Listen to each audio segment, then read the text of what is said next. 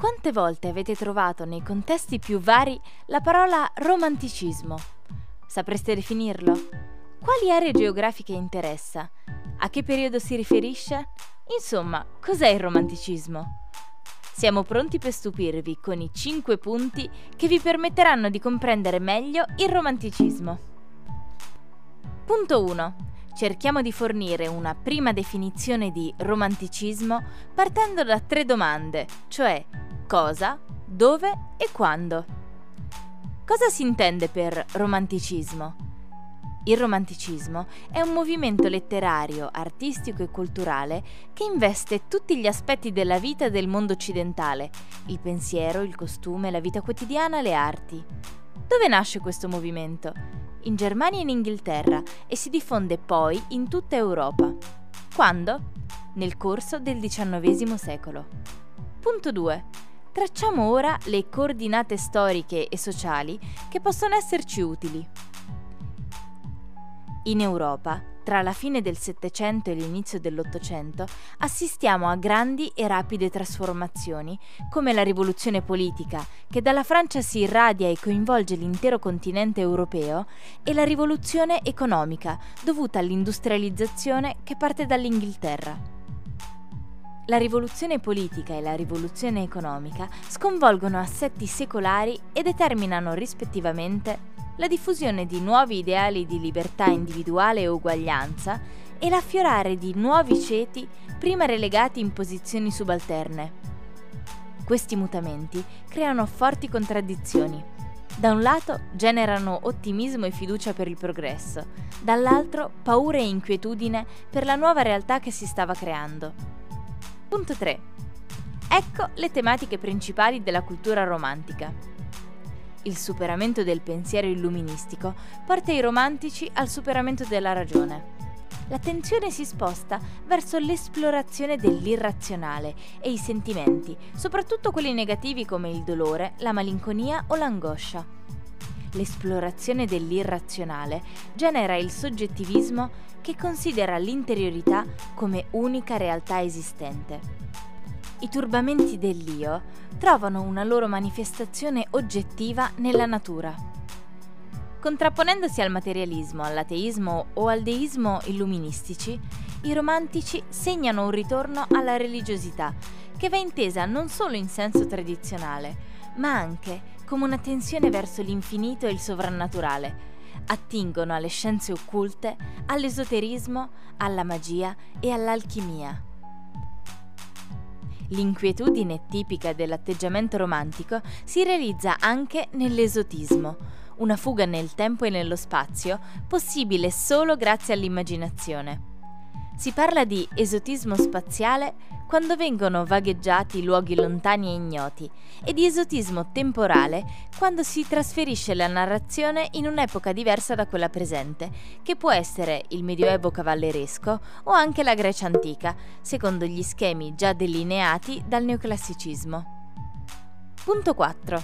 Scopriamo ora quali sono i principali movimenti romantici in Europa e le loro diverse caratteristiche.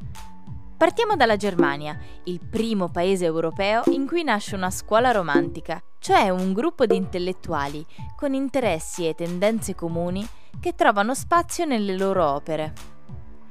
Nel Settecento in Germania era già attivo un movimento considerato precursore della sensibilità romantica, lo Sturm und Drang. L'avvio del romanticismo è però tradizionalmente fissato tra il 1798 e il 1800, quando a Jena e poi a Berlino viene pubblicata la rivista Atheneum. Alla rivista lavorano i fratelli Schlegel, sostenitori di una nuova teoria della letteratura, i poeti Novalis e Tieck e filosofi come Schleiermacher o Schelling. La base filosofica del romanticismo tedesco è però l'idealismo di Fichte, che identifica il mondo esterno come una negazione dell'io. Un altro aspetto tipico del romanticismo tedesco è il recupero delle tradizioni nazionali condizionato dal nazionalismo. Il sentimento nazionalista era in crescita in relazione alle guerre napoleoniche Le fiabe raccolte dai fratelli Grimm, per esempio, attingono alle antiche tradizioni germaniche e si diffondono presto in tutta Europa. In Inghilterra il manifesto del romanticismo è rappresentato dalla prefazione alla seconda edizione delle ballate liriche di William Wordsworth, che appare nel 1800. Nella prefazione, Wordsworth afferma che il poeta deve usare un linguaggio vicino a quello della gente comune e che la poesia deve trattare di argomenti quotidiani e umili.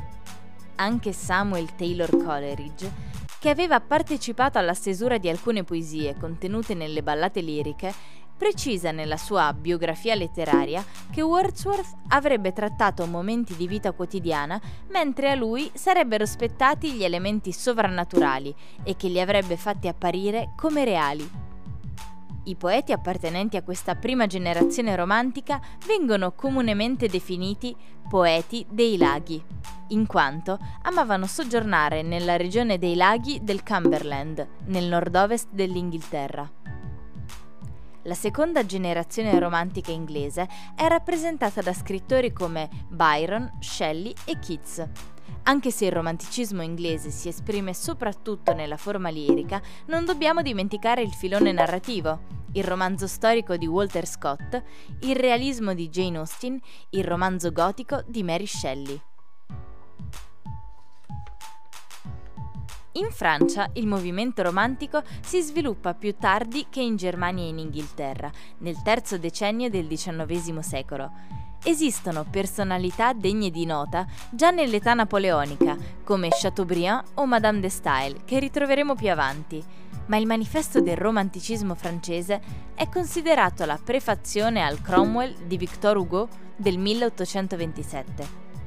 Secondo Hugo, nell'opera d'arte devono coesistere bello e brutto, tragico e comico, sublime e grottesco.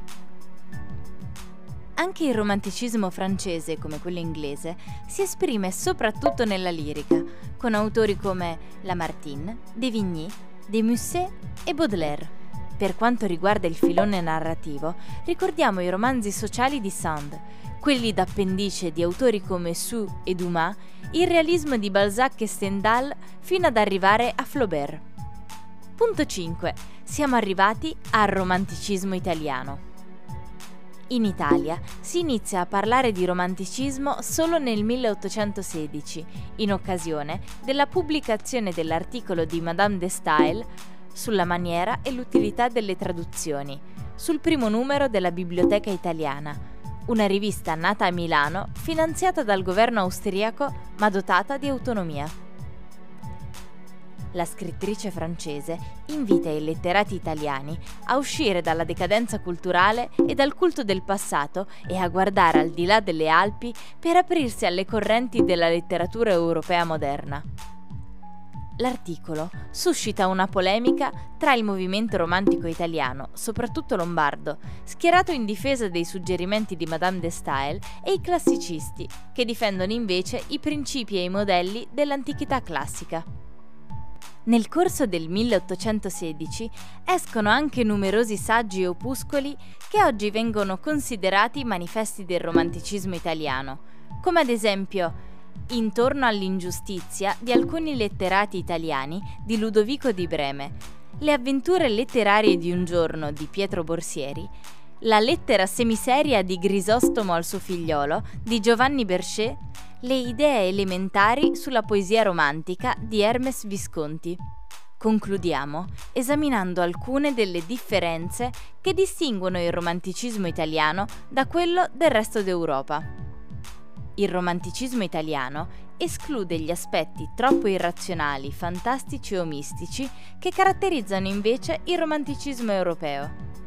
Questa differenza si spiega riflettendo sul fatto che gli Stati europei erano fortemente segnati da contrasti interni, mentre l'Italia, a causa dell'arretratezza economica e sociale, non presentava ancora contrasti così vivi e sentiti la letteratura italiana di questo periodo assolve a un compito più positivo, quello di costruire ed educare la società. Il romanticismo italiano conserva, almeno agli inizi, una relativa continuità con l'illuminismo. nella ricerca di una letteratura utile che orientasse la civiltà verso la perfezione. Avete capito le differenze tra il romanticismo europeo e quello italiano? Vi sono più chiare le caratteristiche fondamentali di questo importante movimento culturale, letterario e artistico Ciao a tutti, sono Domenico Petrolino, seconda parte di questo episodio di Non puoi non saperlo dedicato al romanticismo. Ci eravamo lasciati raccontando che i poeti che fanno parte della corrente oggettiva rigettano tutti i modelli dell'arte classica e gli sostituiscono l'idea di una poesia spontanea e popolare, che esalti un tipo di eroe appassionato e ribelle a ogni legge e che si rifaccia alle fonti primitive della nazione in cui la poesia stessa nasce e si sviluppa. Prima di cominciare, come sempre, vorrei ringraziarvi per aver scelto di guardare il mio video, per la pazienza che avete con la pubblicità e ricordarvi che i testi dei miei video e gli altri miei libri sono disponibili su Amazon. Libri e pubblicità sono un modo per sostenere il canale e quindi grazie in anticipo per ogni vostro contributo. Bene, passiamo adesso alla nascita del romanticismo nelle varie nazioni europee. Il romanticismo letterario in Germania prende le mosse dal movimento culturale dello Sturm und Drang, in italiano tempesta e impeto, che si sviluppa tra il 1770 e il 1785 e vanta artisti come Goethe e Schiller. Si suole indicare nel 1798 la data di nascita ufficiale, diciamo così, del romanticismo tedesco, con la pubblicazione del primo numero del giornale Atheneum da parte del poeta Novalis, pseudonimo di Georg von Hardenberg, e dei già menzionati fratelli Schlegel. Si formeranno poi due diverse scuole di pensiero, quella di Jena e quella di Heidelberg. Della prima fanno parte i due fratelli Schlegel, Novalis, Schelling e altri. Della scuola di Heidelberg fanno parte autori come Fonchamisso e Brentano. In Inghilterra, l'evento con cui si fa solitamente coincidere la nascita del romanticismo letterario è la pubblicazione, sempre nel 1798, delle Lyrical Ballads dei poeti Coleridge e Wordsworth. Gli autori romantici inglesi vengono generalmente divisi in due diverse generazioni. Una della fine del Settecento e un'altra della metà dell'Ottocento. Della prima fanno parte Wordsworth, che sviluppa il concetto di epifania, intesa come riflessione profonda stimolata inaspettatamente da un fatto quotidiano, Coleridge, poeta definito onirico a causa dell'atmosfera che pervade le sue opere, e Blake, poeta che vede nella natura dei simboli, che diventano chiavi di lettura di una realtà che va oltre quella della natura stessa. Alla seconda generazione appartengono poeti come John Keats, un nostalgico dell'età classica, Byron, il prototipo del poeta ribelle, e Shelley, che ha molto a cuore il tema della libertà. Un posto a sé stante ha invece il narratore e saggista Thomas de Quincey che con la sua fantasia visionaria anticipa correnti estetiche inquadrabili nel decadentismo europeo della seconda metà del secolo. Il romanticismo letterario francese si è distinto per il profondo rinnovamento dei temi e delle forme della letteratura. La sua nascita si fa coincidere con la pubblicazione, a Londra ma in lingua francese, dell'opera De l'Allemagne, della scrittrice francese di origini svizzere Madame de Stael nel 1813. Altri autori romantici francesi sono stati Alphonse de Lamartine, in particolare con l'opera Méditation, François-René de Chateaubriand e Victor Hugo, con le Odes prima e poi con le sue opere più importanti Notre-Dame de Paris e Les Misérables. Negli Stati Uniti le idee romantiche si affermano sotto la corrente del trascendentalismo, i cui maggiori esponenti sono Ralph Waldo Emerson e Henry David Thoreau.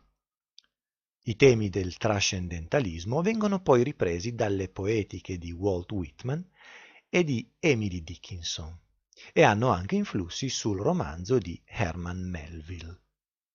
Ricordiamo che il trascendentalismo è un movimento filosofico e poetico, sviluppatosi nel Nord America nei primi decenni dell'Ottocento, che, come il romanticismo, esprime una reazione al razionalismo ed esalta l'individuo nei rapporti con la natura e con la società.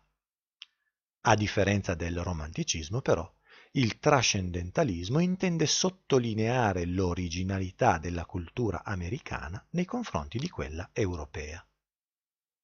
In Italia troviamo elementi tipici della nuova sensibilità romantica già in Ugo Foscolo e in Vittorio Alfieri. Iniziatore quest'ultimo di quel filone letterario e politico risorgimentale che si svilupperà nei primi decenni del XIX secolo. In Italia si inizia a parlare di romanticismo nel 1816, grazie al periodico letterario Biblioteca Italiana. Voluto e finanziato dal governo austriaco in Lombardia, come sostegno alla formazione del consenso verso il nuovo governo succeduto ai francesi. La data con la quale si fa poi coincidere la nascita del romanticismo italiano è il gennaio del 1816, quando Madame de Stael pubblica sulla Biblioteca Italiana l'articolo dal titolo Sulla maniera e utilità delle traduzioni, nel quale invita gli italiani a conoscere e a tradurre le letterature straniere come mezzo per rinnovare la propria cultura. Sempre nello stesso anno il poeta e scrittore Giovanni Berchet pubblica la lettera semiseria di Grisostomo al suo figliolo un breve testo che diventa il manifesto del romanticismo letterario italiano. L'autore, che si cela dietro lo pseudonimo di Grisostomo, in greco Boccadoro, finge di scrivere a suo figlio in collegio per dargli dei consigli letterari, il che è occasione per un'esaltazione della nuova letteratura romantica. Verso la fine dell'opera, però, Grisostomo finge di aver scherzato ed esorta il figlio a seguire fedelmente le regole classicistiche, che espone facendone la parodia. E di qui l'aggettivo semiseria attribuito alla lettera. Successivamente alcuni letterati, come lo stesso Berchet, Ludovico di Breme ed Hermes Visconti, si staccano dalla biblioteca italiana per via del suo carattere troppo conservatore e nel 1818 fondano Il Conciliatore, rivista letteraria diretta da Silvio Pellico. Il Conciliatore si propone appunto di conciliare l'ambito della ricerca scientifica e tecnica con quello della letteratura, sia illuminista sia romantica, con il pensiero laico e con il cattolicesimo. La rivista verrà però chiusa dopo appena un anno per ordine degli austriaci. In Italia si andavano intanto diffondendo le prime istanze risorgimentali, alle quali le opere del romanticismo italiano sono molto legate. Ricordiamo Alessandro Manzoni nella corrente oggettiva, che dà un impulso fondamentale alla diffusione del genere letterario del romanzo storico, e Giacomo Leopardi nella corrente soggettiva. L'appartenenza di Leopardi al romanticismo è però oggetto di dibattito da parte della critica, sia perché nella sua poetica sono presenti elementi riconducibili anche all'illuminismo e al classicismo, sia perché lo stesso autore la nega. Diamo adesso un'occhiata al romanticismo in filosofia. La filosofia romantica propone un superamento della filosofia illuminista, il cui massimo esponente, Immanuel Kant, nella sua critica della ragion pura, riconosce i limiti della ragione umana, incapace di andare al di là dell'esperienza sensibile e di accedere quindi alla metafisica. Allo stesso modo è però importante sottolineare che Kant ha anticipato la sensibilità romantica con la sua critica del giudizio nella quale apre la strada a una concezione della natura come inesauribile e spontanea forza vitale, all'interno della quale è presente il divino. Gli esponenti di maggior rilievo del romanticismo in filosofia sono allo stesso tempo i massimi esponenti dell'idealismo tedesco, Fichte, Schelling ed Hegel, seppur non si possa affermare che l'idealismo sia tout court la filosofia del romanticismo. Se infatti Schelling è certamente un interprete della sensibilità romantica, soprattutto per l'importanza attribuita all'arte e al mito, così come lo è Fichte, che rivaluta l'intuizione e l'istinto, concordando con Kant sul fatto che sia impossibile cogliere l'assoluto per mezzo della sola ragione, l'idealismo di Hegel è, al contrario, molto critico verso il romanticismo. Ne contesta infatti la svalutazione delle facoltà non solo intellettuali, ma anche razionali dell'individuo, e afferma che, al contrario, è possibile attingere all'assoluto proprio mediante l'uso della razionalità, che è per lui un'espressione dello spirito stesso immanente alla realtà. Un altro movimento filosofico che rientra appieno nell'ambito romantico pur essendo posteriore agli anni d'oro del romanticismo tedesco, è il già menzionato trascendentalismo di Ralph Waldo Emerson e di Henry David Thoreau. Bene, concludiamo questo episodio con la concezione romantica della storia. Nell'età del romanticismo viene superata la concezione illuminista della storia, cui viene rimproverato di basarsi su un'idea di ragione livellatrice, che in nome dei suoi principi di uguaglianza era giunta a produrre le stragi del regime del terrore durante la rivoluzione francese, periodo conosciuto anche come il terrore o terrore giacobino.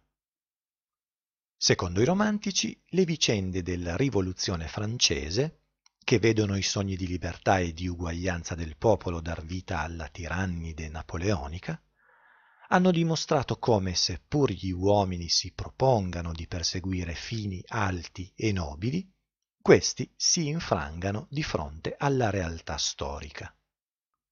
Non sono quindi gli uomini a fare la storia, ma è Dio. Esiste infatti una divina provvidenza che persegue fini al di là di quelli che gli uomini pensano ingenuamente di poter conseguire con la loro limitata ragione e che sono quindi incomprensibili per gli uomini stessi. Questa polemica contro l'ugualitarismo e il cosmopolitismo illuministi assume principalmente due caratteristiche. La prima è una tendenza alla restaurazione, non tanto nel senso di un ritorno all'oramai anacronistico ancien régime, quanto al recupero delle tradizioni del passato, religiose in particolare. La seconda caratteristica è, al contrario della prima, l'affermazione di valori liberali. Questa tendenza nasce anch'essa dalla concezione provvidenziale della storia nel romanticismo che fa sì che vengano considerati validi i principi proclamati nel 1789 proprio perché sono parte di un disegno divino, condannando ovviamente gli esiti giacobini della rivoluzione francese. Degna di nota è la tesi di François-René de Chateaubriand che propone di conservare l'opera politica che è scaturita dalla rivoluzione, costruendo però il governo rappresentativo sulla religione. La libertà di religione diventa quindi un antidoto sia al dispotismo assolutistico sia all'anarchia rivoluzionaria. Bene, questo è tutto per quanto riguarda il romanticismo. Iscrivetevi al canale per non perdervi i prossimi episodi di Non puoi non saperlo e come sempre un sincero grazie per l'attenzione. Ciao a tutti e alla prossima. Ciao a tutti, sono Domenico Petrolino. Questo episodio di Non puoi non saperlo è dedicato al romanticismo, movimento artistico, letterario e culturale sviluppatosi al termine del XVIII secolo in Germania e diffusosi poi in tutta Europa nel XIX secolo.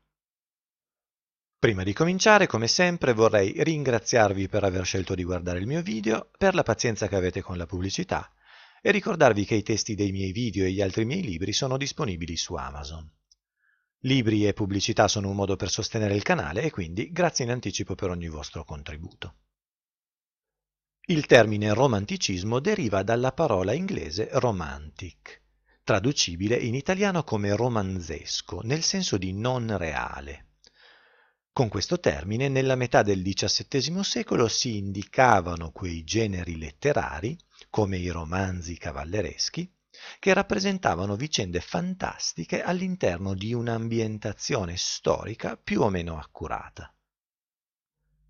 Accanto a questo primo significato si sviluppa e infine prevale quello di pittoresco, nel senso di ricco di originalità e di forza rappresentativa. È difficile dare del romanticismo una definizione univoca. Prima di tutto perché è un fenomeno che assume connotazioni diverse a seconda delle nazioni in cui si sviluppa. E poi perché non si fonda su un sistema di ben specifiche idee, ma fa piuttosto riferimento a quel modo di sentire cui gli artisti del tempo adeguano il loro pensiero, la loro produzione artistica e le loro stesse vite. Il romanticismo nasce come una reazione sia all'esaltazione della razionalità tipica dell'illuminismo, sia al culto della bellezza classica del neoclassicismo, ai quali contrappone la spiritualità, l'emotività, la fantasia e soprattutto l'affermazione dei caratteri individuali di ogni artista. Il termine romanticismo viene usato per la prima volta dal filosofo e critico letterario tedesco di fine Ottocento Friedrich von Schlegel, con riferimento alla letteratura da lui considerata, tra virgolette, moderna, contrapposta cioè a quella classica.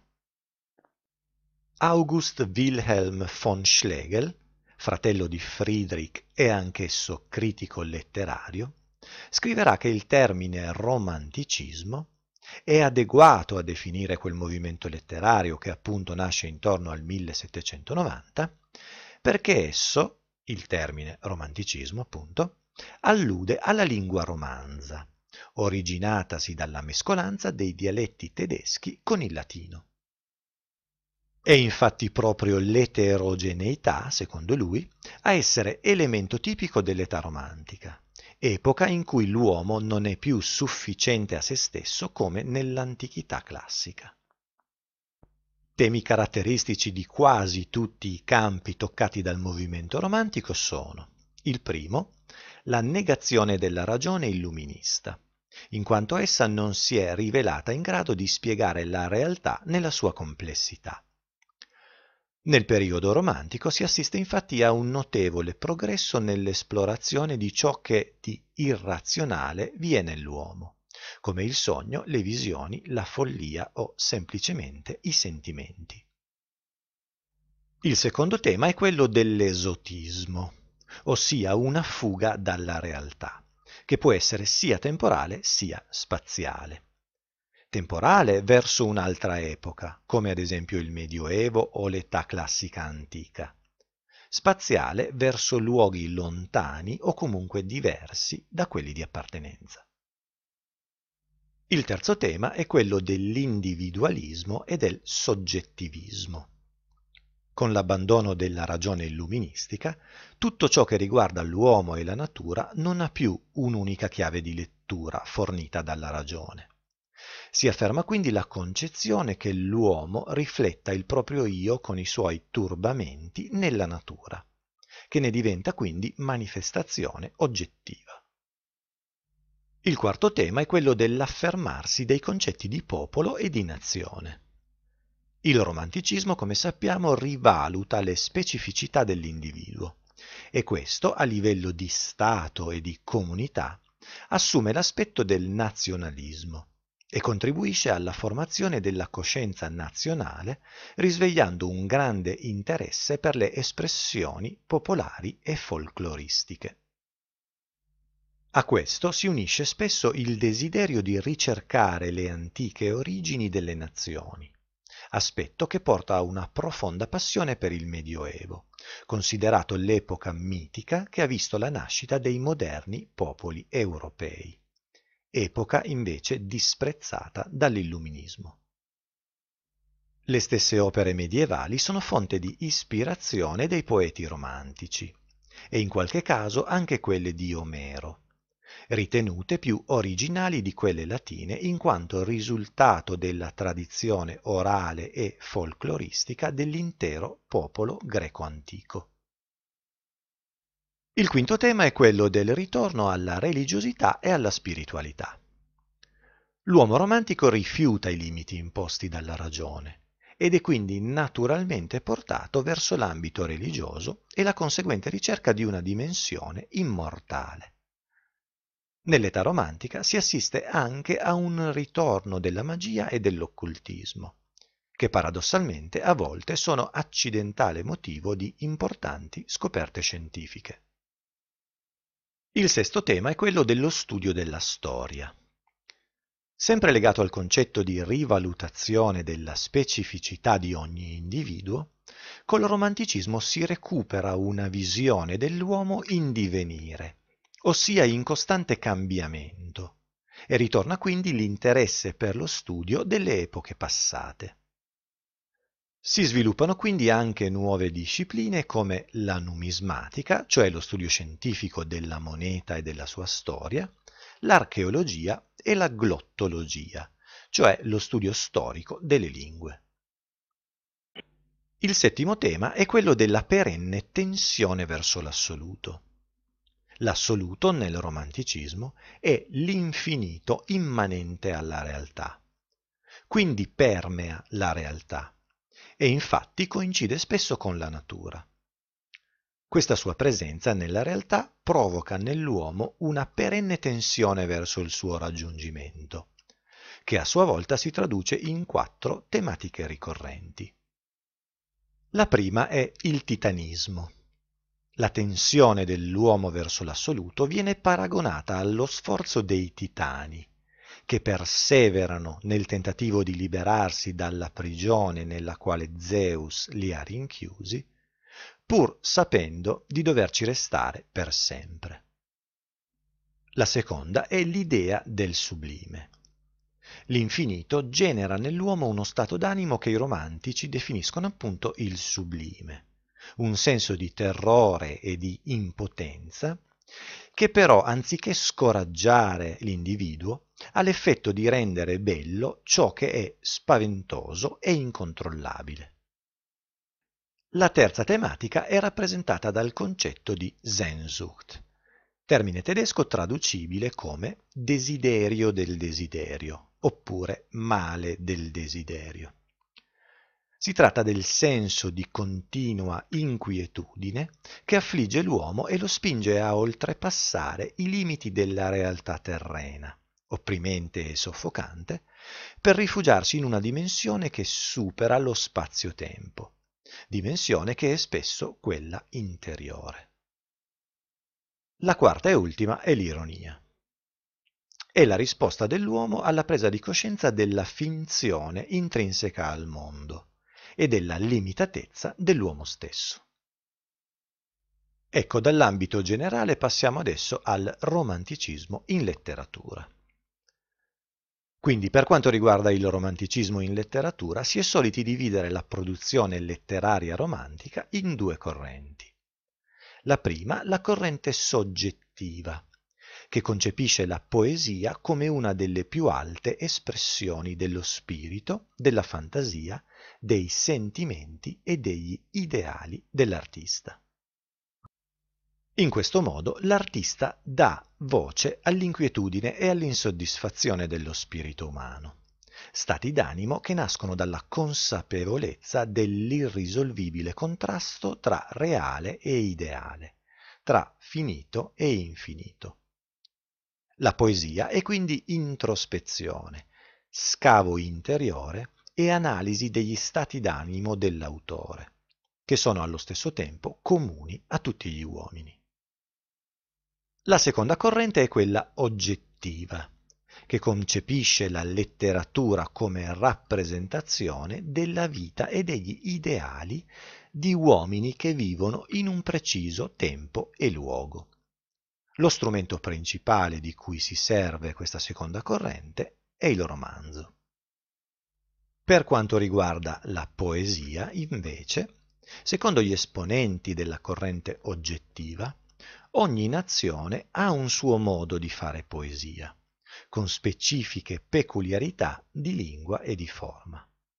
E ritengono pertanto assurdo che la poesia di una nazione si rifaccia a quella dei greci o dei romani.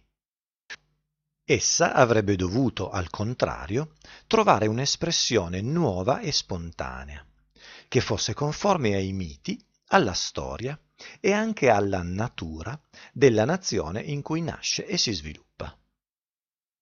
I poeti che fanno parte della corrente oggettiva rigettano quindi tutti i modelli dell'arte classica e gli sostituiscono l'idea di una poesia spontanea e popolare, che esalti un tipo di eroe appassionato e ribelle ad ogni legge e che si rifaccia, lo ripetiamo, alle fonti primitive della nazione in cui la poesia stessa nasce e si sviluppa. Bene, direi che per questo video abbiamo fatto abbastanza. Iscrivetevi al canale per non perdervi i prossimi e come sempre un sincero grazie per l'attenzione. Ciao a tutti e alla prossima!